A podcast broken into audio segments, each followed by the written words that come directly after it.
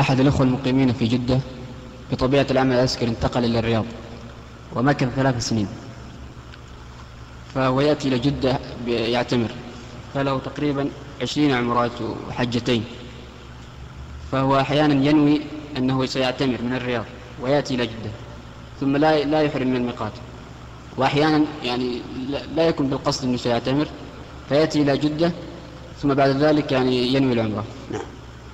ثم بعد ذلك انتقل إلى الأحساء وأيضا جلس مكث فيها سنة. وهو لا يدري أن أنه يحرم من الميقات ظنا منه أنه لا شيء فيه. فما حكم عمراته وحجتيه حجتيه؟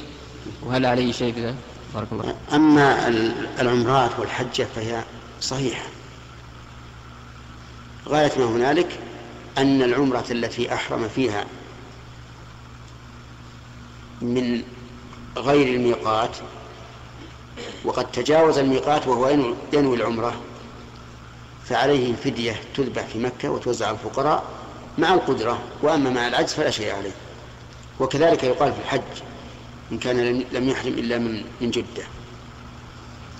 أما لو كان تجاوز الميقات وهو لا ينوي العمرة أو متردد هل يعتمر أو لا ثم لما وصل إلى جدة أنشأ النية فهذا يحرم من جدة ولا شيء عليه.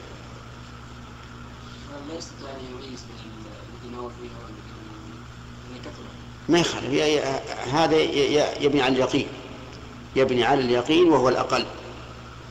فإذا قدر أنه ترك الإحرام من الميقات عشر مرات أو ثمان مرات فجعله ثمان مرات.